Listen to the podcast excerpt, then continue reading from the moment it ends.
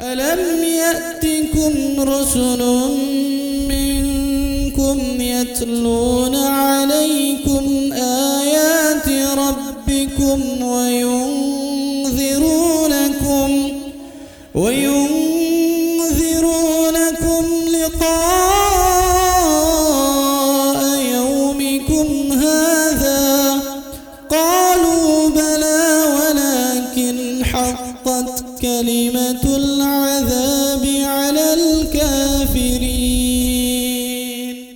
Alhamdulillah Ustadz juga sudah hadir.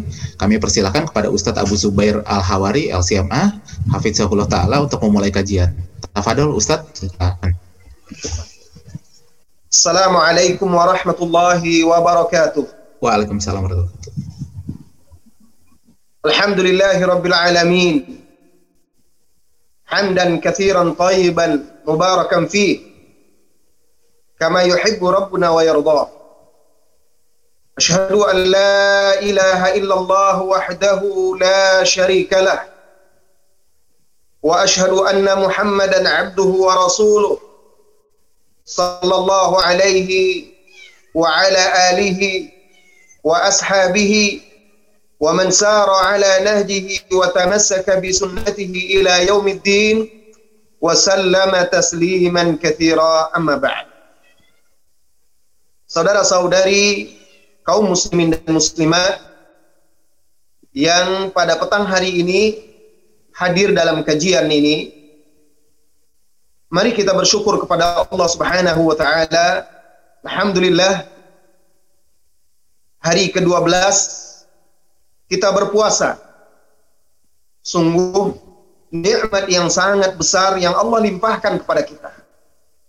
Di saat sebagian saudara-saudari kita barangkali tidak bisa menunaikan ibadah puasa karena terbaring sakit atau uzur-uzur yang menimpanya.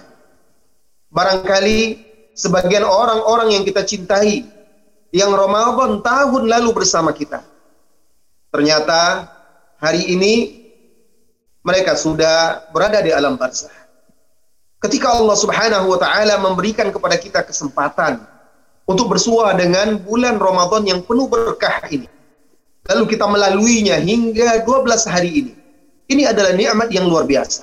Kesempatan berharga yang Allah limpahkan kepada kita semua. Maka wajib kita mensyukuri ini dengan semakin meningkatkan takwa, semakin mendekatkan diri kepada Allah Tabaraka wa taala. Kemudian salawat dan salam untuk Nabi kita yang mulia Muhammad sallallahu alaihi wasallam. Sebaik-baik suri tauladan bagi kita, siapa pun kita. Maka beliaulah sebaik-baik qudwah, uswatun hasanah bagi kita semuanya. Saudara-saudari, setelah itu saya ucapkan juga terima kasih kepada panitia yang mengundang saya untuk memberikan sedikit kajian, berbagi ilmu dan nasihat. Mudah-mudahan bisa mendapat tempat di dalam hati setiap saudara-saudari yang menyimak dan mendengarkan. Setelah itu saya minta maaf keterlambatan karena adanya perbedaan waktu Jakarta dengan Pekanbaru. Ya, jadi ada perbedaan waktu lebih kurang 20 sampai 30 menit waktu sholat sehingga tadi saya sudah sampaikan kepada panitia yang mengundang, kami baru selesai nanti pukul 4.15 dan alhamdulillah sekarang kita sudah bisa mulai. Saudara-saudari kaum muslimin dan muslimat. Sesuai tema yang diangkat atau dimintakan oleh panitia tentang angan-angan yang menipu daya Angan-angan yang dimaksud di sini adalah angan-angan kehidupan dunia. Allah Subhanahu wa taala berfirman di dalam surah Al-Kahfi ayat 45. واضرب لهم مثل واضرب لهم مثل الحياة الدنيا كماء أنزلناه من السماء فاختلط به نبات الأرض فأصبح هشيما تذروه الرياح Artinya, berikanlah perumpamaan bagi mereka. perumpamaan kehidupan dunia. Taubahnya seperti air yang Allah turunkan dari langit. Membasahi bumi yang kering kerontang. Fakhtalata bihi nabatul ard. Sehingga setelah air bercampur dengan tanah, membuat tanah tersebut menjadi gembur. Lalu tanam-tanaman pun tumbuh dengan subur, hijau, lalu menghasilkan buah-buah. Kemudian tidak lama setelah itu kata Allah, fa asbaha hashiman tadruhu riyah. Lalu buah-buah yang menguning, tanaman yang semulanya hijau kemudian mulai menua. Lalu akhirnya mati. Menjadi daun-daun yang kering. Ranting-ranting yang rapuh tadhur tadhur riyah ditiup oleh angin. Seperti itulah kehidupan dunia wahai saudara-saudari kaum muslimin dan muslimat. Al-Imam At-Tabari rahimahullahu taala di dalam tafsirnya setelah ketika menafsirkan ayat ini beliau berkata, "Fala yafkharu dzul amwali bi kathrati amwali." Maka janganlah orang yang telah mengumpulkan harta yang banyak menjadi sombong, merasa bangga dengan hartanya. Wala yastakbir ala ghairi biha. Dan janganlah dan jangan pula ia menjadi sombong atas orang-orang lain dengan hartanya tersebut. Janganlah penduduk dunia terpedaya dengan dunia mereka. Nabat Kata beliau, kata Imam At-Tabari, karena perumpamaan kehidupan dunia dia itu seperti tumbuh-tumbuhan yang Allah sebutkan di dalam Al-Qur'an ini. Alladhi hasuna istiwa'uhu bil matar yang menjadi tumbuh subur dan gembur karena hujan. Falam yakun illa ra'aita an inqata'a anhul ma. Tapi apabila air telah habis, apabila air telah terputus, atau pohon tersebut menua, fakanaha nihayatuhu maka tibalah datanglah penghujung dari darinya. Dia kembali kering kerontang, rapuh, mudah ditiup oleh angin. Sehingga akhirnya hilang lalu dilupakan oleh pandangan mata manusia. Ini kehidupan dunia yang harus dipahami. Kata beliau, walakin liyamal lil baqil ladzi la yafna. Tetapi hendaklah siapa pun dia, walaupun orang yang memiliki harta, beramal untuk kehidupan yang tersisa yang kekal wadaim alladzi la yabid wala yataghayyar yang abadi yang tidak akan berubah. Saudara saudari kaum muslimin dan muslimat ayat yang singkat ini dan paparan dari Imam At-Tabari ini memberi gambaran kepada kita hakikat kehidupan dunia. Hakikat kehidupan dunia yang kita jalani saat ini. Tidak sedikit dari manusia yang terpedaya dan tertipu dengan perhiasan dunia ini.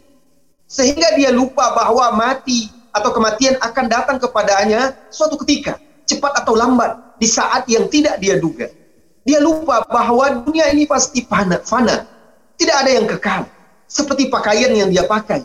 Yang lambat laun menjadi lapuk, lusuh, lapuk, lalu dia buang, dia tinggalkan, dan dia lupakan. Seperti itulah kehidupan kehidupan dunia kita. Saudaraku, di ayat lain tepatnya di surah Al-Hadid ayat 20 Allah Subhanahu wa taala juga berfirman, "Wa mal hayatud dunya illa mata'ul ghurur." Kehidupan dunia ini tak lebih hanyalah perhiasan yang menipu daya. Perhiasan yang fana. Menipu daya bagi orang yang cenderung kepada dunia. Karena orang yang cenderung kepada dunia dia akan berdecak kagum, terpana, terbelalak melihat gemerlapnya kehidupan dunia. Sehingga seolah-olah hilang akal. Dia lupa bahwa dia punya kehidupan yang lebih kekal.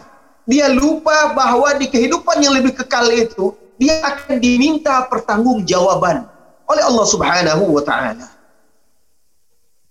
Nabi kita yang mulia Muhammad sallallahu alaihi wasallam wahai saudara-saudari kaum muslimin dan muslimat memberikan perumpamaan tentang dunia ini bahwa dunia ini sama sekali tidak bisa dibandingkan dengan akhirat. Beliau bersabda di dalam hadis sahih diriwayatkan oleh Al Imam At-Tirmidzi "Law kanatid dunya ta'dilu inda Allah inda Allah janaha ba'udah ma saqa kaftan minha syurbata ma." Kata beliau sallallahu alaihi wasallam, kalaulah dunia ini di sisi Allah sebanding dengan sayap lalat atau sayap nyamuk, nilainya maka orang kafir tidak akan mendapatkan seteguk air. Apa kata Nabi kita yang mulia sallallahu alaihi wasallam? Kalaulah dunia ini di sisi Allah berharga senilai dengan sayap lalat, sayap lalat atau sayap nyamuk dianggap sepele oleh manusia. Ditepuk oleh manusia lalu dibuang begitu saja. Berserakan sayap-sayap laron itu nyamuk lalat tidak ada yang mengutipnya, mengumpulkannya, tidak ada yang mengambilnya. Tidak berharga. Kalau seandainya dunia itu di sisi Allah semisal itu nilainya maka orang kafir tidak akan diberi oleh Allah Subhanahu wa taala walaupun seteguh air. Tapi karena dunia ini tidak berharga di sisi Allah Subhanahu wa taala, makanya orang-orang kafir mereka bergelibang dengan dengan dunia. Saudara, di dalam hadis lain yang diriwayatkan oleh Imam Muslim, Nabi kita yang mulia sallallahu alaihi wasallam memberikan perumpamaan. Dunia ini di sisi Allah seperti seorang dari kita mencelupkan telunjuknya ke dalam air. Coba. Coba salah seorang dari kita celupkan telunjuknya ke dalam air. Lalu angkat lagi. Angkat. Apa yang kita dapatkan? Ada nggak yang menempel di jari jemari kita? Tidak ada sedikit sekali kan? Nah itulah dia perumpamaan perbandingan dunia dengan dengan akhirat. Akhirat itu dia lautan, samudra itu. Air yang menempel di jari jemari kita itu, itulah dia dunia. Sangat kerdil, sangat kecil. Itu dicontohkan oleh Rasulullah Sallallahu Alaihi Wasallam di dalam hadis yang diriwayatkan oleh Imam Muslim. Oleh karena itu, salah seorang ulama kita, yaitu Al-Imam Ibn Qayyim Al-Jauziyah rahimahullahu taala, beliau mengatakan alangkah eloknya, alangkah indahnya perumpamaan ini. Fa inna dunya munqati'atun faniyah. Dunia itu pasti sirna. Fana. Walau kanat walau kanat muddatuha akthar mimma hiya wal akhiratu abadiyah lan qita'alaha. Walaupun dunia ini dunia ini kita merasakan panjang, puluhan tahun tapi dia sebenarnya sedikit. Adapun akhirat, akhirat abadiyah, kekal, tidak terputus. Maka tidak mungkin kita membandingkan akhirat yang kekal, tiada terputus dengan dunia yang sedikit lagi fana. Saudara-saudari kaum muslimin dan muslimat. Tapi aneh kita tahu, kita sering hadir di kajian, mendengarkan nasihat-nasihat. Kita membaca ayat-ayat Al-Quran atau mendengarkan penjelasan dari guru-guru kita. Kita membaca hadis dari Rasulullah Sallallahu Alaihi Wasallam dan penjelasannya tentang dunia ini dan hakikatnya. Namun yang mengherankan masih ada bahkan banyak di antara kita yang tertipu dengan dunia dan perhiasan. Sehingga akhirnya dunia menghalang membelenggu dia dari ibadah. Dunia membutakan mata dia dari halal dan haram. Sehingga dia tidak peduli lagi. Yang haram, yang penting nafsunya terpuaskan. Yang penting harta dia kumpulkan. Yang penting dia bisa menikmatinya. Dia tidak memikirkan bahwa nanti bahwa Rasulullah Shallallahu Alaihi Wasallam mengatakan bahwa sesuatu yang tumbuh, daging yang tumbuh dari sesuatu yang haram itu, maka neraka lebih patut untuknya. Dia lupa itu. Dia tidak peduli lagi dengan agamanya. Dia tidak mempelajari agamanya, tidak mendalami agamanya, tidak berusaha mendekatkan diri kepada Allah, tidak berusaha bertobat, beristighfar, memohon ampun, tidak berusaha bermuhasabah. lupa dia akan mati. Kenapa? Karena perhiasan dunia tadi. Sampailah akhirnya, wahai saudaraku, ketika nanti nyawa sampai di sini, di kerongkongan, barulah salah seorang dari manusia itu berkata, Hatta idha ja'a ahadahumul maut, kata Allah, di dalam surat Al-Mu'minun, sehingga apabila kematian datang kepada salah seorang mereka, Qala rabbirji'uni. Maka ruhnya berkata, dirinya berkata, Ya Allah, Rabbirji'uni, Robku, Tuhanku, kembalikan aku ke dunia. Dia ingin hidup kembali lagi ke dunia. Untuk apa? Apakah untuk mengendarai kendaraannya yang mewah, menikmati kasurnya yang empuk, rumahnya yang luas dan megah, berkumpul bersama anak istrinya, memakan menikmati makanan-makanan yang lezat lagi nikmat? Tidak. Dia berkata, Rob, Rob birji'uni. Wahai Robku, kembalikan aku ke dunia. Untuk apa? La'alli a'malu salihan fima taraktukan. Barangkali aku bisa mengulang kembali amal ibadah yang dahulu aku tinggalkan. Barangkali aku bisa mengerjakan ibadah-ibadah yang dahulu aku lalaikan. Aku lupakan karena dunia aku ini. Ini dia keterpedaya, tertipu dan terpedaya oleh gemerlapnya dunia. Ketika itu tidak berguna lagi tangisan engkau. Walaupun engkau menangis dengan air mata darah. Ketika itu tidak berguna lagi penyesalan. Allah Subhanahu wa taala katakan, "Kalla, sama sekali tidak." In innaha kalimatun Huwa qailuha itu hanyalah kalimat yang dia katakan, ungkapan-ungkapan angan-angan yang dia harapkan. Dia ingin lagi kembali. Dia tidak mungkin kembali lagi. Wa mi waraihim barzah. Karena di belakang dia ada barzah, ada pembatas antara dia dengan dunia. Dia sudah di alam barzah. Ila yaumi yub'atsun. Sampai hari dia dibangkitkan. Saudara-saudari kaum muslimin dan muslimat. Nah, apa gerangan penyebab seseorang itu terpedaya oleh dunia? Kita perlu tahu agar kita berhati-hati dan bisa mengoreksi diri. Apa sebenarnya yang menyebabkan manusia masuk diri saya dan Anda sering kali keliru dan terpedaya? Apa yang menyebabkan kita terpedaya oleh dunia ini? Yang pertama, kata para ulama, indahnya dunia ini, cantiknya dunia ini, dan perhiasannya yang gemir, yang gemerlap, kemilau. Ini membuat kita terpedaya. Allah berfirman di dalam surah Al-Kahfi ayat 46. Al-malu wal banuna zinatul hayatid dunya والباقيات الصالحات خير عند ربك ثوابا وخير أملا المال والبنون harta anak-anak zinatul hayatid dunia adalah perhiasan kehidupan dunia wal baqiyatus salihat Adapun al-baqiyatus salihat, amal soleh yang tersisa, khairun inda rabbika, lebih baik di sisi Rabbmu, sawaban wa khairun amala, lebih baik pahalanya di sisi Allah Subhanahu wa taala. Perhatikan di ayat yang mulia ini. Allah sebutkan salah satu perhiasan dunia yaitu harta dan anak-anak yang paling dibanggakan oleh manusia dalam kehidupan ini, harta dan anak-anaknya.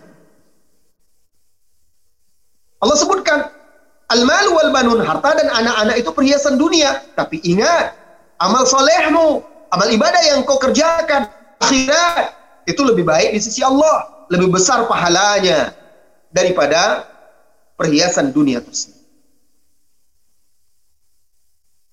Nabi kita yang mulia di dalam hadis Muslim mengatakan, "Inna dunya hulwatun khadirah." Dunia ini manis,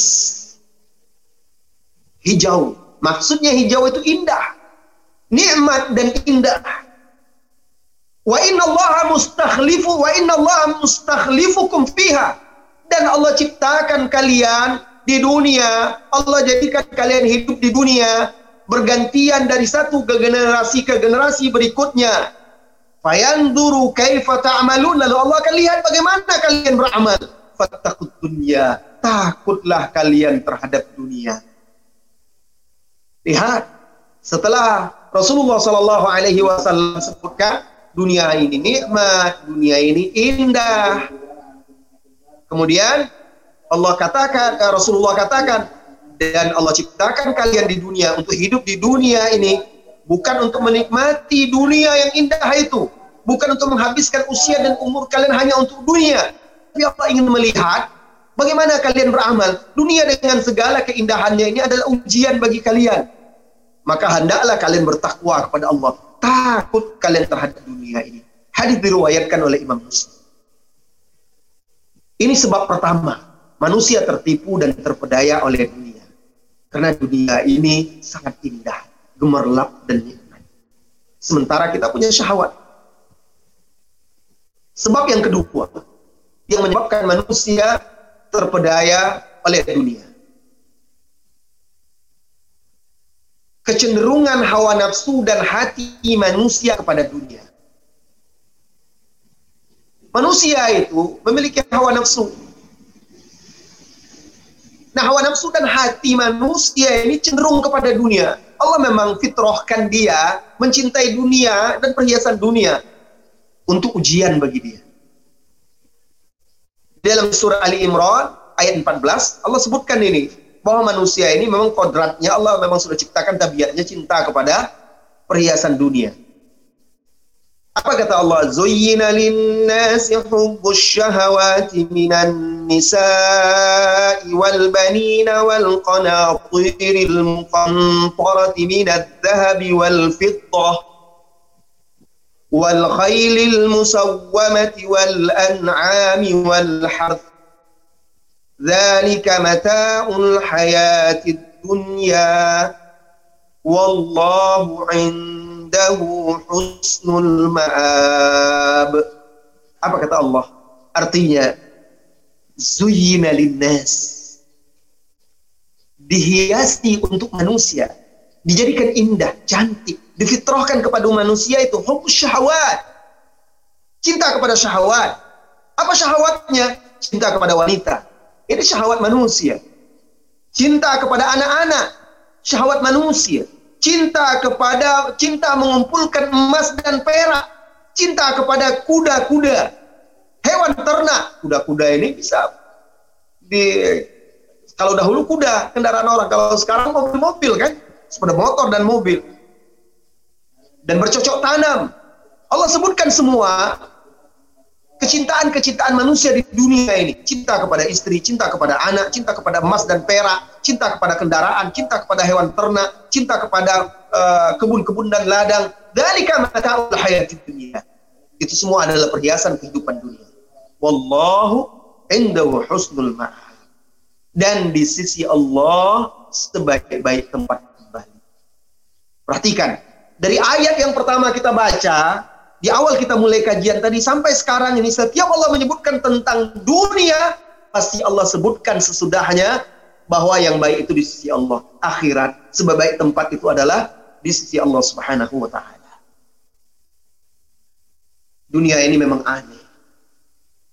Bahkan orang yang sudah tua saja hatinya tetap muda terhadap dunia ini Orang yang sudah tua saja hatinya kalau terhadap dunia ini tetap muda. Apa kata Nabi Shallallahu Alaihi Wasallam dalam hadis Muslim?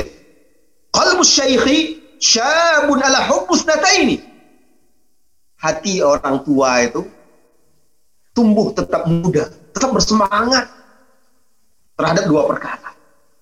Hubbul aishi wal mali.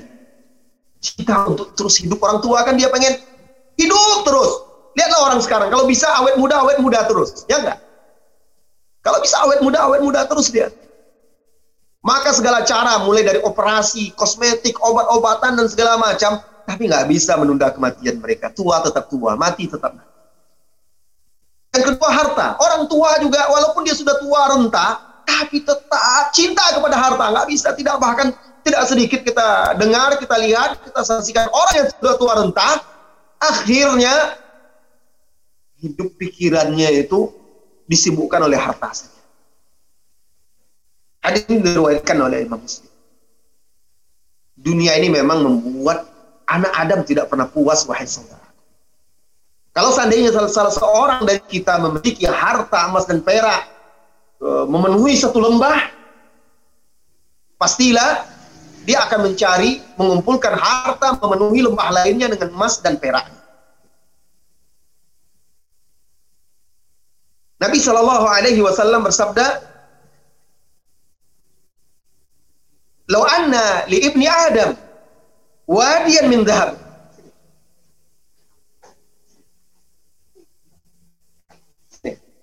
Lau anda li ibni Adam. Kalau seandainya seorang anak Adam itu memiliki wadiat min satu lembah yang dipenuhi dengan emas, ahabba an yakuna lahu wadian. Maka dia pasti ingin menginginkan lembah yang lainnya. Walan yamla'a fahu illa turab. Dan tidak akan ada yang bisa memenuhi mulutnya kecuali tanah. Maksudnya cinta dia kepada harta, kepada dunia itu tidak akan terputus sampai dia berkalang tanah. Sudah dikuburkan baru deh. Wa yatubullahu ala man Dan Allah menerima taubat orang-orang yang bertaubat. Maksudnya apa wahai saudara? Hadis ini diriwayatkan oleh Bukhari dan Muslim. Kita tidak menganggap diri, kita suci, hebat. Sekuat apa pun kita ini manusia yang kadang kita lupa, alpa, lengah, bersalah. Dunia ini membuat kita lalai lengah. Tetapi kalau kita mau bertaubat, insya Allah Allah menerima taubat kita. Ini sebab yang kedua. Apa sebab yang kedua? Yaitu kecenderungan nafsu dan hati kepada dunia.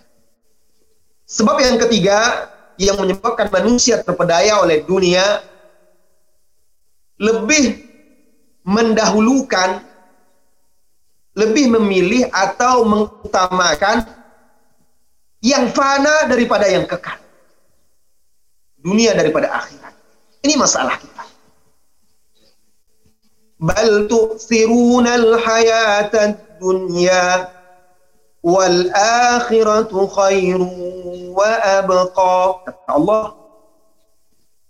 Akan tetapi kalian itu lebih mementingkan dunia. Lebih mendahulukan dunia. Lebih mengedepankan dunia Sementara akhirat khairu wa abqa, lebih baik dan lebih kekal. Ayat yang sering kita baca. Saya yakin banyak dari pemirsa jamaah yang hadir hafal ayat ini, surah Al-A'la. Sering dibaca oleh imam di salat Jumat. Tapi sudahkah kita meletakkannya di dalam hati kita? Senantiasa ada di pelupuk mata kita. Sebagai pengingat bahwa kita ini lemah kita masih saja lebih mengedepankan cinta dunia, dunia, dunia dan dunia kita daripada hak-hak Allah. Daripada daripada kewajiban kita kepada Allah, kepada agama, daripada akhirat kita, kehidupan kita yang abadi nanti. Saudara-saudari kaum muslimin dan muslimat yang semoga senantiasa dirahmati dan diberkahi oleh Allah. Orang yang berakal, yang paham hakikat kehidupan dunia, pasti dia lebih mendahulukan kehidupan akhirat, kewajiban kepada Allah, agamanya daripada dunia yang fana ini. Saudara-saudari kaum muslimin dan muslimat. Ini di antara sebab-sebab seseorang terpedaya oleh dunia. Nabi kita yang mulia sallallahu alaihi wasallam mengingatkan agar kita jangan terpedaya dan harus istiqomah menegakkan amal soleh betapapun beratnya kehidupan dunia. Di dalam sebuah hadis Muslim, Rasulullah Shallallahu Alaihi Wasallam mengingatkan, "Badiru bil a'mal fitanan kaqita'il lailil muslim." Bersegerahlah kalian melakukan amal soleh Jangan kalian tunda-tunda. Segera lakukan. Sebelum datang fitnah-fitnah yang seperti penggalan malam yang gelap gulita. Ketika fitnah itu datang nanti, yusbihur rajulu mu'minan wa yumsi kafir. Pagi harinya seseorang itu bisa jadi mukmin, petang harinya dia kafir. Au yumsi mu'minan wa yusbihu kafira. Atau petang harinya mukmin, pagi harinya sudah kafir yabi'u dinahu. Dia jual dunia dia. Bi'aradin minat dunia. Dia jual agama dia, maaf. Yabi'u dinahu. Dia jual agama dia dengan sedikit perhiasan dunia. Akbar. Apa yang dikatakan oleh Rasulullah Sallallahu Alaihi Wasallam ini terjadi. Ada orang-orang yang menjual agama dia demi mengharapkan dunia. Dia lakukan perbuatan-perbuatan nista, perbuatan-perbuatan haram, keji, mungkar untuk mendapatkan dunia. Bahkan sebagiannya meninggalkan agamanya. Ada yang murtad karena dunia wal billah. Kita berlindung kepada Allah dari perbuatan-perbuatan itu. Cinta dunia yang berlebihan wahai saudaraku menimbulkan kerusakan-kerusakan. Di antara kerusakan-kerusakannya adab di dunia dan di akhirat. Jangan dikira orang yang hartanya bergelimpah, uh, melimpah, orang yang hidup bergelimang harta, maka dia itu dalam kenikmatan. Ada orang-orang, bukan semua, ada orang-orang walaupun dia bergelimang harta, tapi dia hidup dalam siksaan dunia. Hatinya tidak tenang, senantiasa resah dan gelisah, stres, tertekan. Dia tidak tahu apa tujuan hidupnya. Dia tidak tahu apa tujuan hidupnya. Dari jam ke jam, pagi ke petang, petang, malam, pagi, pagi lagi, hari-harinya hanya untuk dunia. Hampa. Tidak ada sesuatu yang berarti di dalam kehidupannya. Dia tersiksa. Allah Subhanahu wa taala berfirman, "Fala tu'jibka amwaluhum wala auladuhum." Fala tu'jibka amwaluhum wala auladuhum. Jangan kalian itu kagum dengan harta orang-orang kafir itu dan anak-anak mereka. Oh, sebagian orang kalau melihat orang kafir yang sukses di dunianya, dia kagum. Oh, lihat fulan itu. Sehingga dia ingin pula anaknya seperti orang-orang kafir itu. Sukses menjadi artis, sukses menjadi bintang olahraga, sukses menjadi ini, itu, dan segala macam, tapi jauh dari Allah, jauh dari agama, tidak menyembah Allah, tidak beribadah kepada Allah. Untuk apa? Tapi ada manusia yang kagum dengan itu. Sehingga kiblatnya adalah orang-orang kafir. Apa kata Allah? Fala amwaluhum wala. Jangan kalian merasa kagum dengan harta dan anak-anak mereka. Innama yuridullahu liyu'adzibahum biha fil hayati dunya. Sesungguhnya yang Allah inginkan dengan harta dan anak-anak orang kafir itu adalah liyu'adzibahum. Allah ingin menyiksa mereka dengan harta dan anak-anak mereka itu. Fit dunia di dunia wa tazhaqa anfusuhum wa hum kafirun. Lalu dia mati di atas kekafiran. Jadi orang-orang kafir itu dunia itu menyiksa mereka sebenarnya. Harta benda mereka itu menyiksa mereka sebelum nanti siksa Allah di hari kiamat jika mereka tidak bertaubat dan beriman kepada Allah. Apa kata Ibnu Qayyim? Orang yang paling cinta kepada dunia adalah orang yang paling keras azab dan siksanya dia disiksa dalam tiga kehidupan. Yu'adabu fid dunya bitahsiliha. Dia tersiksa di dunia ketika mengumpulkan hartanya. Itu tersiksa. Salah seorang dari saudara kita yang saya kenal, dia bercerita setelah dia mengenal agama, menuntut ilmu, mendekatkan diri kepada Allah. Akhirnya dia menuturkan, Ustaz, dulu yang ada di pikiran dan hati saya itu hanyalah bagaimana mengelola harta saya. Mengembangkan. Saya pergi pagi-pagi sudah pergi bekerja, pulang sudah malam, jarang berkumpul dengan keluarga. Malam pun pulang, masih ada beban pekerjaan. Saya masih memikirkan ini, mengini, mengatur strategi ini, itu, dan segala macam Akhirnya apa wahai saudaraku? Setiap waktu dia hanya memikirkan dunia, dia tidak menikmatinya. Dia tidak menikmati bersama keluarganya. Kalaupun menikmati saat setelah hampa. Dan dia tersiksa, tertekan. Dikejar-kejar dunia terus. Sehingga dia tidak bisa beristirahat. Rehat pun tidur pun tidak nyenyak. Ada yang dikejar hutangnya, ada yang dikejar job ini, itu, ini belum selesai, pekerjaan ini belum selesai, dan segala macam. Tapi apa kata dia setelah saya mengenal agama ini lebih jauh, lebih dalam.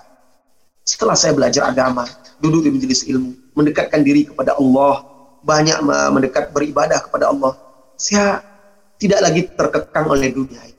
Saya tidak lagi terbebani. Saya lebih bisa kona'ah dengan pemberian Allah Subhanahu wa taala. Saya tidak lagi dikejar-kejar oleh dunia ini. Saya bisa pulang lebih awal ke rumah saya dari pekerjaan. Saya bisa berkumpul dengan anak istri saya. Terasa nikmat dan indah. Subhanallah. Ya, jadi wahai saudaraku, apa kata Ibnu Qayyim? Orang yang orang yang paling cinta dengan dunia paling keras, paling berat azabnya.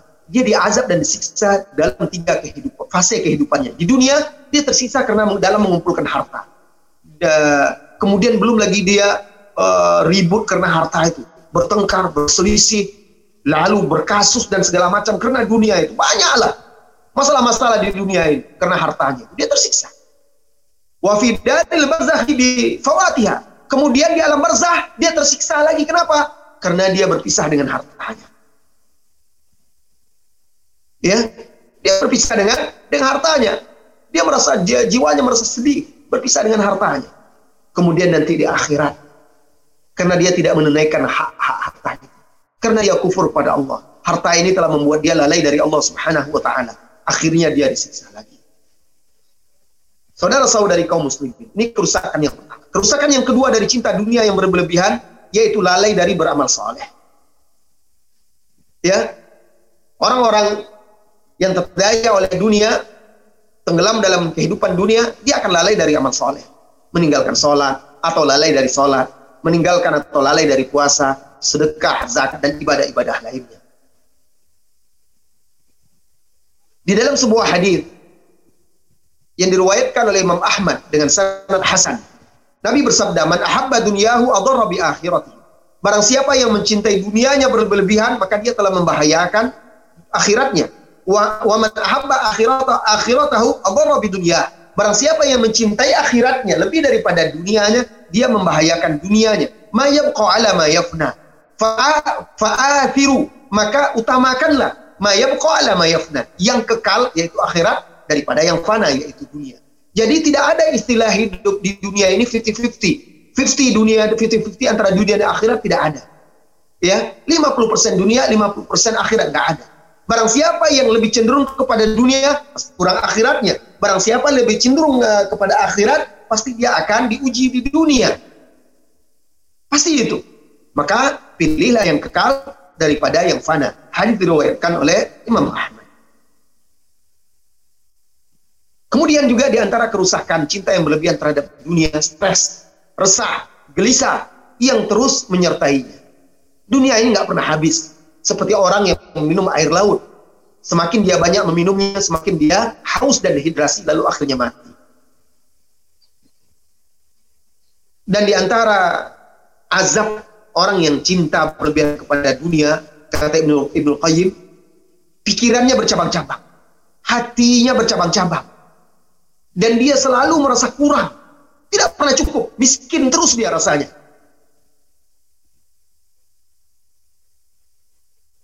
Kalaulah bukan karena mabuk, kata Ibnu Qayyim mereka itu sebenarnya dalam keadaan mabuk. Kalaulah bukan karena dalam keadaan mabuk, para pecinta dunia itu pasti mereka akan menjerit minta tolong karena adab yang menimpa mereka. Saudara-saudari kaum muslimin dan muslimat banyak banyak lagi kerusakan-kerusakan ya kerusakan dunia ini, cinta dunia yang berlebihan. Yang terakhir saya jadikan karena kita ada tanya jawab ya, Pak Dokter ya. Nah, kita uh, jadikan yang terakhir yaitu su'ul khatimah. Cinta yang berlebihan kepada dunia juga menyebabkan seseorang itu akhirnya mendapatkan su'ul khatimah. Al-Imam Abu Muhammad Al-Ishbaili rahimahullahu taala berkata, "I'lam anna li su'il khatimah a'adzana Allahu minha asbab.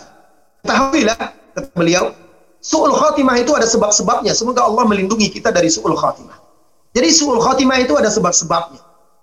Ada jalan-jalannya, ada pintu-pintunya. Walahat turukun wa turukun wa abwab. A'dhamuha sebab yang paling besar yang menyebabkan seseorang itu su'ul khatimah kata beliau al-inkibabu ala dunya wal i'radu anil ukhra. Yaitu tenggelam dalam dunia. Kenikmatan dunia dan berpaling dari akhirat. Wal ikdam wal jur'atu ala ma'asillahi azza wa lancang dan berani melakukan maksiat. Malas berbuat berbuat ibadah. Nah ini dia di antara kerusakan-kerusakan dari cinta yang berlebihan terhadap dunia. Saudara, setelah pemaparan ini, jangan ada yang memahami bahwa agama kita memerintahkan kita meninggalkan dunia. Tidak. Rasulullah Shallallahu Alaihi Wasallam hidup di dunia. Para sahabat hidup di dunia. Kita tidak mungkin meninggalkan dunia kecuali kalau kita mati. Agama kita juga tidak meninggalkan kita, tidak memerintahkan kita untuk tidak mencari harta. Agama tidak memerintahkan kita hidup miskin, tidak. Yang dilarang itu wahai saudaraku, wahai saudariku, tenggelam dalam kenikmatan dunia. Berlebih-lebihan cinta dunia. Yang diperintahkan kita menjadikan dunia ini ladang untuk mengumpulkan bekal.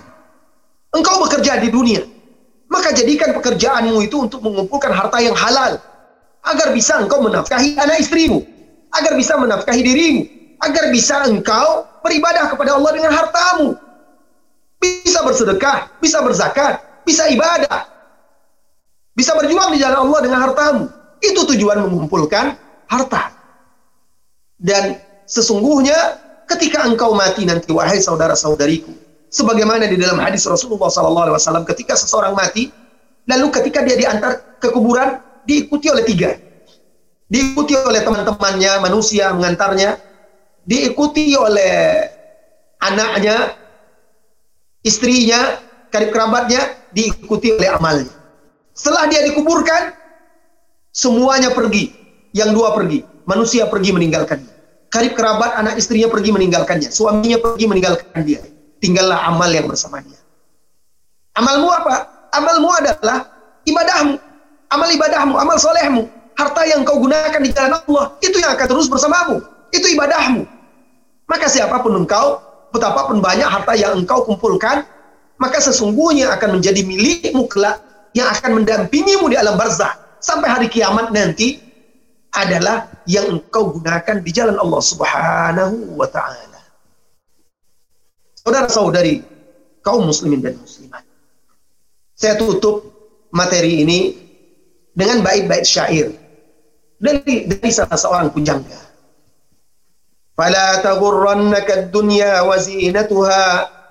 Wanzur ila fi'liha fil ahli wal watani wanzur ila man hawat dunya bi ajma'iha hal raha minha bi ghairi zadi wal kafani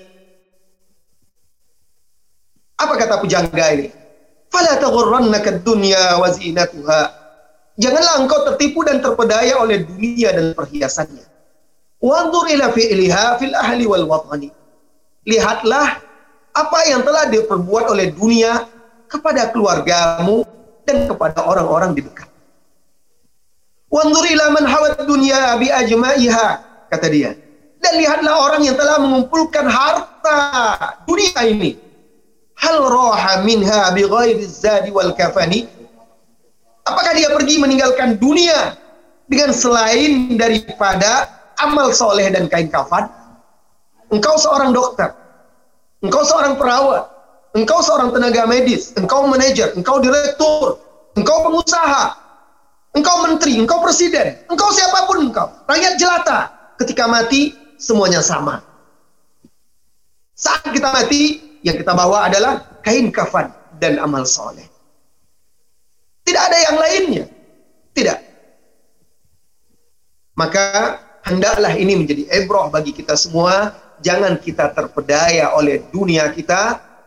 Mari kita bertakwa kepada Allah, memperbanyak taubat, istighfar, introspeksi diri, khususnya kita diberi kesempatan oleh Allah Subhanahu wa taala di bulan suci Ramadan ini masih tersisa 20 hari ke depan. Maka gunakanlah itu untuk uh, mendekatkan diri kepada Allah Subhanahu wa taala, benar-benar beribadah agar kita termasuk orang yang dirahmati, diampuni oleh Allah dan dibebaskan dari api neraka. Sampai di situ materi kajian yang bisa saya sampaikan pada petang hari ini saya kembalikan kepada host kita. Wassallallahu wasallam ala nabiyina Muhammad walhamdulillahirabbil alamin. Silakan. Terima kasih jazakumullah khair kepada Ustadz Abu Zubair Al-Hawari, Asyamah Hafizahullah Ta'ala atas penyampaian materinya. Selanjutnya kami akan buka diskusi dan tanya jawab untuk tiga orang penanya Ustadz Uh, saya akan bacakan pertanyaan dari kolom chat yang sudah disampaikan oleh peserta kajian saat ini. Yang pertama, Assalamualaikum warahmatullahi wabarakatuh. Bagaimana caranya menghinakan dunia dan perhiasannya ini dari hati kita dan bagaimana caranya kita ber, bermuamalah dengan tetangga yang selalu berusaha memperlihatkan, memperlihatkan hartanya yang mewah kepada tetangga-tetangga yang lain, Ustadz. Ulang lagi, ulang. Ustadz uh, bagaimana caranya menghinakan dunia dan perhiasannya ini dari hati kita dan bagaimana caranya kita untuk bermuamalah dengan tetangga yang selalu berusaha memperlihatkan harta yang mewah kepada tetangga-tetangga yang lain Ustaz. Baik, baik. Masya Allah. Bagaimana cara kita menghinakan dunia ini dengan dari hati kita? Saudaraku, banyak ingat kematian. Itu salah satu cara. Orang kalau sadar dia pasti mati, maka dunia ini nggak ada artinya lagi. Ya, Rasulullah Shallallahu Alaihi Wasallam sudah memberikan resepnya. Beliau bersabda dalam hadis yang sahih, "Aktiru min dzikri hadhimil ladzat." Perbanyaklah kalian mengingat penghancur kelezatan, pemutus kelezatan, pemutus kenikmatan. Kalau sudah mati, putus segala kelezatan dan kenikmatan. Mati apabila kita mengingatnya banyak mengingatnya maka membuat kita sadar bahwa hidup di dunia ini hanya sebentar. Jadi perbanyak ingat kematian sehingga kita bersiap-siap. Orang yang kalau ingat sadar bahwa dia mati, dia pasti akan bersiap-siap karena dia setelah mati di, di, di alam barzah dia akan ditanya oleh malaikat apakah dia sudah menyiapkan pertanyaan itu Nah dia akan ditanya dan dia akan dihisap kelak. Dia tahu seperti itu. Maka dia tidak akan terpedaya oleh dunia. Yang kedua, perbanyak ziarah kubur. Jadi ziarah kubur itu sunnah. Selain untuk mendoakan orang yang telah wafat, juga salah satu hikmahnya apa? Mengingat kematian. Mengingat akhirat agar kita sadar bahwa kita seperti dia. Sebentar lagi, cepat atau lambat barangkali hari ini tetangga kita yang mati. Besok mungkin kita. Maka dianjurkan kita berziarah kubur. Rasulullah Shallallahu Alaihi Wasallam bersabda, "Fazuruha fa innaha tudzakirkumul akhirah." Ziarahilah kubur karena dia mengingatkan kalian kepada akhirat. Orang kalau sudah ingat akhirat, ingat mati, ingat kuburan, maka dia tidak akan terlalaikan lagi oleh oleh dunia. Yang ketiga, sering muhasabah. Sering muhasabah, introspeksi diri. Walaupun kita sering mengingat kematian, walaupun kita ziarah kubur, ingat akhirat, tapi kita tetap manusia yang punya hawa nafsu. Yang tabiat kita itu adalah gudangnya dosa, gudangnya salah. Kita punya saatnya lupa, keliru, alpa, salah. Maka kita harus setiap hari introspeksi diri. Malam hari sebelum tidur, menjelang uh, antum berbaring, antum nggak tahu apakah masih bangun lagi besok atau tidak. Maka ingat hari ini apa dosa yang telah saya lakukan. Apa kewajiban-kewajiban kewajiban yang belum saya tunaikan? Apa kesalahan-kesalahan saya? Bertobat beristighfar kepada Allah. Memohon ampun. Nah, berjanji untuk tidak mengulang lagi. Ini dia. Ya. Nah, kemudian yang berikutnya membaca biografi orang-orang soleh, para nabi, para sahabat, ulama-ulama, bagaimana mereka mensikapi kehidupan dunia ini. Kemudian berikutnya, eh, kibar, mengambil pelajaran dari orang-orang yang merugi di dunia, yang tertipu oleh dunia, yang menyesat. Kemudian jangan lupa selalu berdoa kepada Allah Subhanahu wa taala untuk diberi keistiqomahan. Perbanyak doa kepada Allah. Allahumma a'inni ala dzikrika wa syukrika wa husni ibadati. Ya Allah, bantu aku untuk mengingatmu, untuk memperbaiki ibadahku kepada kepadamu dan untuk bersyukur kepadamu. Ya Allah, Allahumma ya muqallibal qulub, tsabbit qalbi ala dinik. Ya. Nah, terus kemudian juga banyak bersedekah. Banyak bersedekah. Banyak bersedekah membantu orang miskin, fakir, membantu agama. Ini juga membuat kita akhirnya tidak cinta berlebihan kepada dunia. Yang kedua, bagaimana mensikapi tetangga kita yang sering pamer. Ya, tetangga sering pamer dia dengan hartanya, tidak usah kita ikut eh, merasa cemburu pula. Ingat, kalau ada orang mengalahkanmu dalam urusan dunia, kalahkan dia dalam urusan agama, dalam urusan akhirat.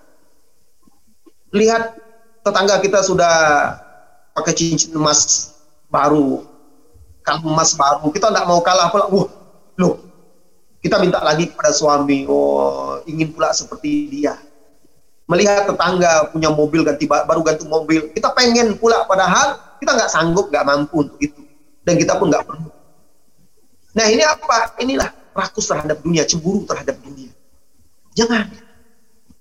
Kalau engkau melihat manusia mengalahkanmu dalam urusan dunia, dia buat rumah baru, dia beli mobil baru, dia punya ini, punya itu dan segala macam, kalahkan dia dalam urusan akhirat. Kalau dunia itu sudah jelas pembagiannya. Ya, kita lahir sudah ada rezeki kita. Tetapi akhirat harus kita kejar dengan amal ibadah kita. Kalahkan dia dengan sholatmu. Kalahkan dia dengan Qiyamul Lail, kalahkan dia dengan Al-Qur'anmu, kalahkan dia dengan puasamu, kalahkan dia dengan zakatmu, kalahkan dia, dengan zikir doamu, kalahkan dia dengan sedekah-sedekah yang ikhlas karena Allah Subhanahu wa taala semata. Allahu a'lam bissawab. Jazakumullah khair Ustaz. Berlanjut ke pertanyaan kedua. Assalamualaikum warahmatullahi wabarakatuh Ustaz. Dari hadis dunia adalah penjara bagi orang mukmin dan surga bagi orang kafir. Apakah jika merasa bahagia di dunia, berarti ada yang kurang dengan iman kita?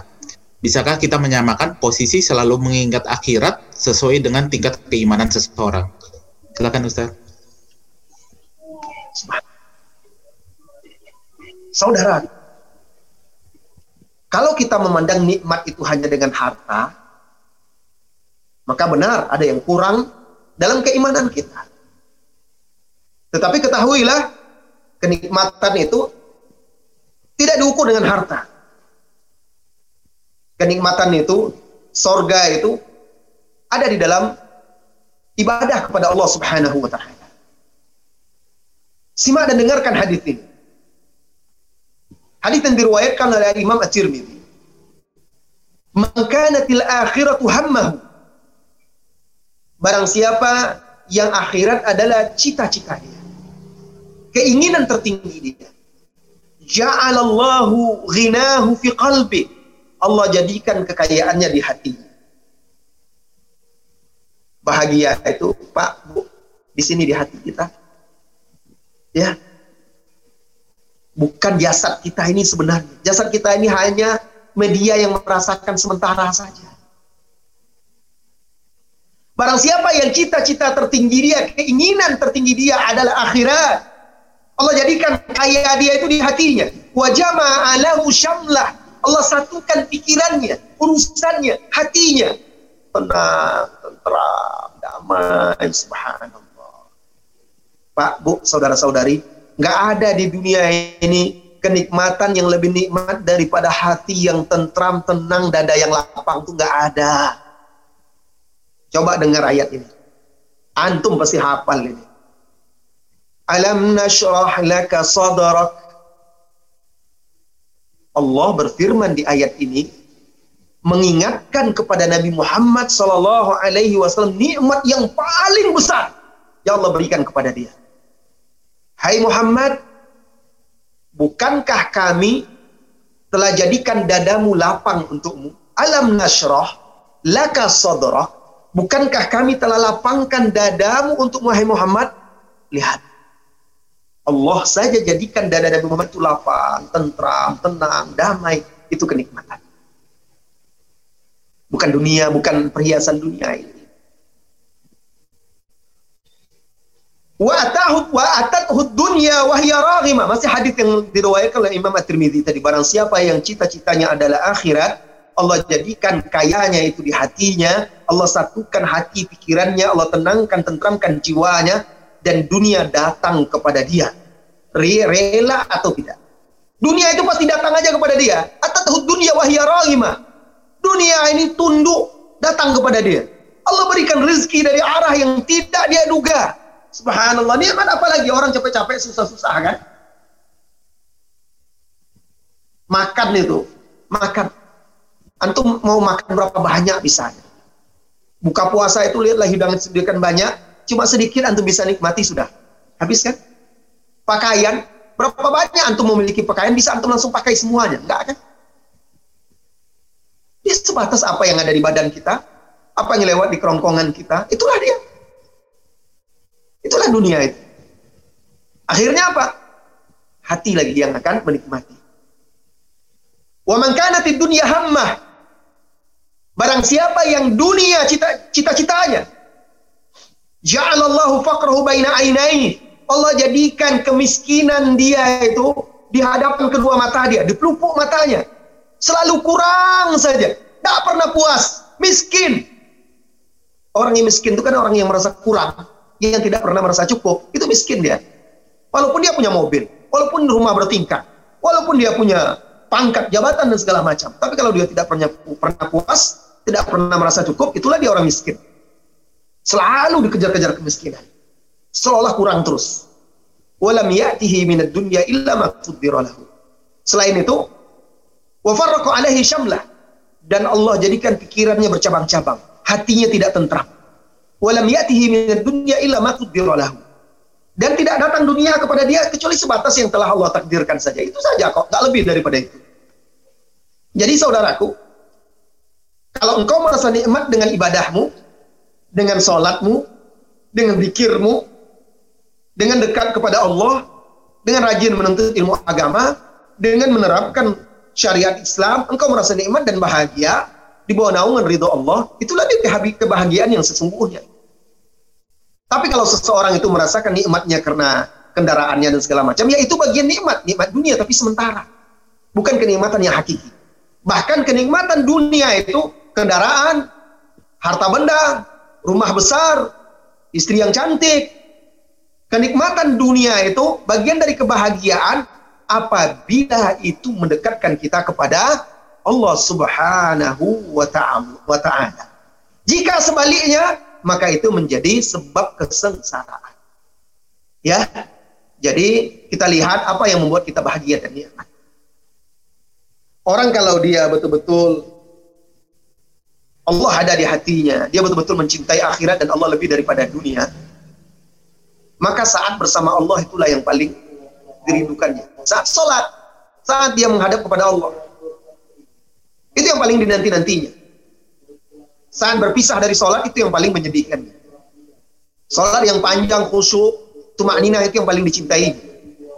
Sholat yang cepat, pendek, singkat, itu yang dia tidak tidak suka. Sholat membuat dia tentram dan damai. Zikir membuat dia bahagia.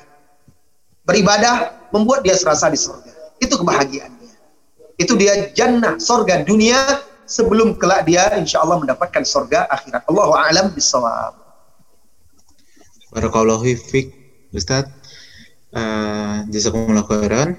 Selanjutnya ini ada pertanyaan. Assalamualaikum warahmatullahi wabarakatuh. Bagaimanakah cara kita menyeimbangkan angan-angan kita dalam mengejar karir atau kewajiban pekerjaan?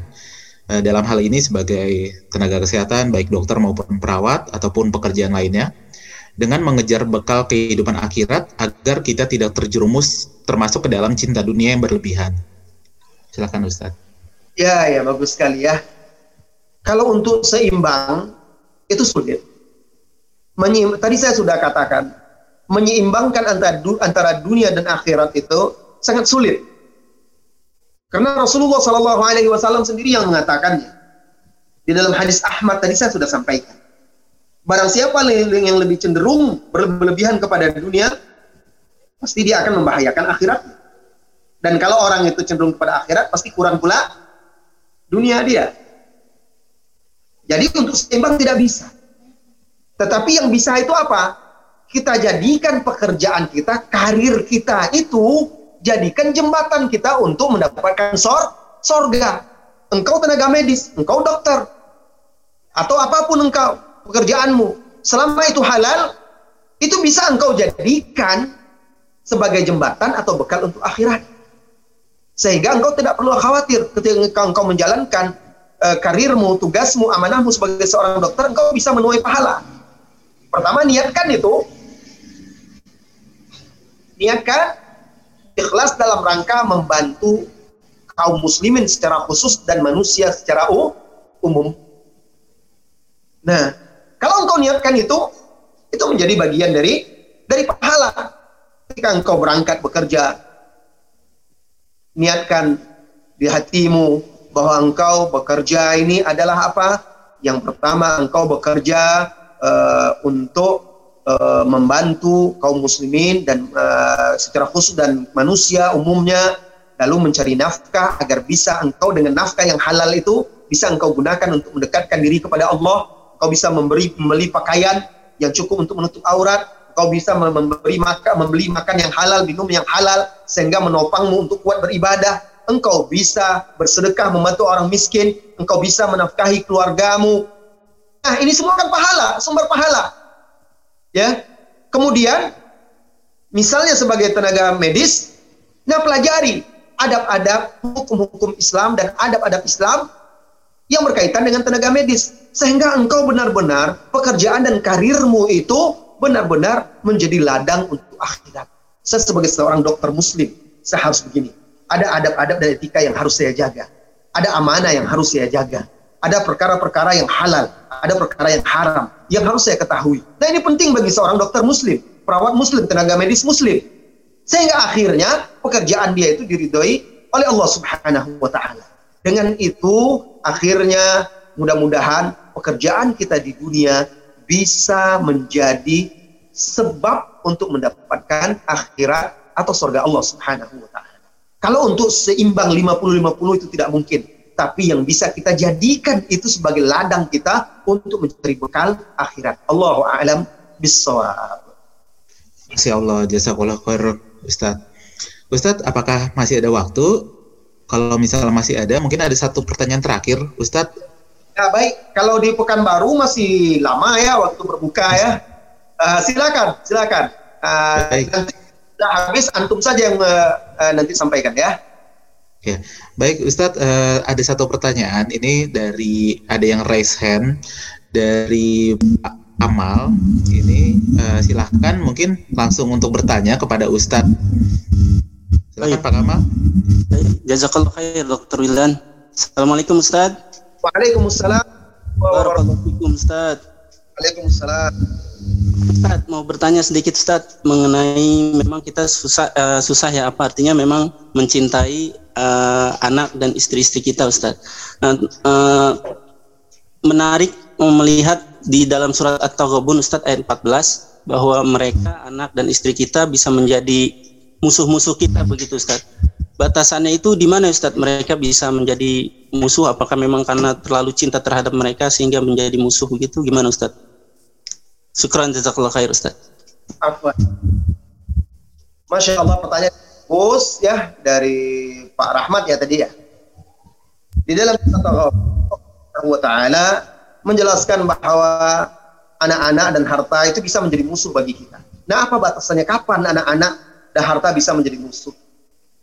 Saudara, harta dan anak-anak adalah titipan Allah Subhanahu wa taala dan ujian bagi kita.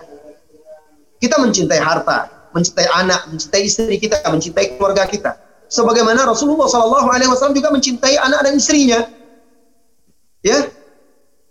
Tapi ketika cinta kita, cinta manusia kepada anaknya itu bergelimang dosa dalam artiannya cintanya itu mengalahkan agama, mengalahkan cinta kepada Allah, ketika itulah akan menjadi musuh. Contoh, anak tidak dibimbing untuk mengenal Allah, mengenal Rasulnya, mengenal Islam. Anak tidak diperintahkan untuk sholat. Anak tidak diajarkan menutup aurat.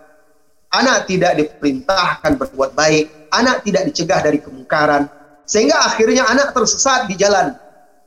Anak berbuat maksiat karena kelalaian orang tua misalnya. Nah ini juga menyebabkan anak menjadi musuh. Bahkan bisa jadi menjadi musuh di dunia sebelum menjadi musuh di akhirat. Anak-anak yang durhaka menjadi musuh bagi orang tuanya di dunia dan di akhirat juga akan menjadi musuh kelak. Ya. Jadi agar anak itu tidak menjadi musuh bagi kita, agar istri, suami, harta tidak menjadi musuh bagi kita, maka bersama-sama ajak mereka itu untuk meniti jalan Allah. Ajak mereka taat, ajak mereka beragama, nasihati, jaga agama mereka, jaga sholat mereka, uh, cegah mereka dari perbuatan mungkar. Kalau Anda sudah berusaha mengajarkannya, mendidiknya, membinanya, mengajaknya, menasehatinya, lalu dia tidak menerima hidayah di tangan Allah, Anda sudah tunaikan kewajiban yang menjadi masalah itu adalah kalau salah seorang dari dari manusia melalaikan kewajibannya terhadap anaknya, tidak mengajarkannya agama, tidak memerintahkannya untuk berbuat baik, tidak mencegahnya dari maksiat dan kemungkaran. Ini yang kelak akan menjadi menjadi musuh baginya. Maka lihatlah apa yang Anda berikan, yang Anda lakukan kepada anak Anda. Apakah itu dicintai oleh Allah atau tidak? Apakah itu diridhoi oleh Allah atau tidak? Apakah itu bertentangan dengan agama atau tidak? Kalau itu dibenci oleh Allah, dimurkai oleh Allah, bertentangan dengan agama, maka engkau telah menjadikan anakmu sebagai musuhmu di dunia dan di akhirat. Tapi ketika engkau bimbing dia, arahkan dia, ajak dia, tuntun tangannya, perintahkan dia kepada yang baik, maka mudah-mudahan engkau dan keluargamu akan berkumpul di akhirat. Jannatu adnin yadkhulunaha wa man salaha min abaihim wa azwajihim wa dhurriyyatihim. Surga Aden yang akan mereka masuki bersama dengan orang-orang soleh dari orang tua mereka, dari anak keturunan mereka, dan dari istri mereka. Maka orang-orang yang soleh dengan keluarga-keluarganya yang soleh akan berkumpul kelak di surga Allah Subhanahu wa taala.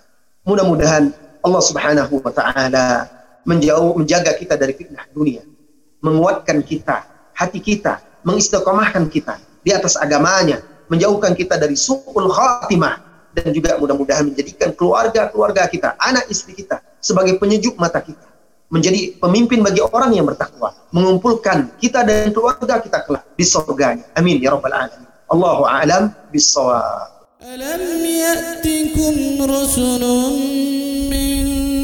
منكم يتلون عليكم آيات ربكم وينذرونكم وينذرونكم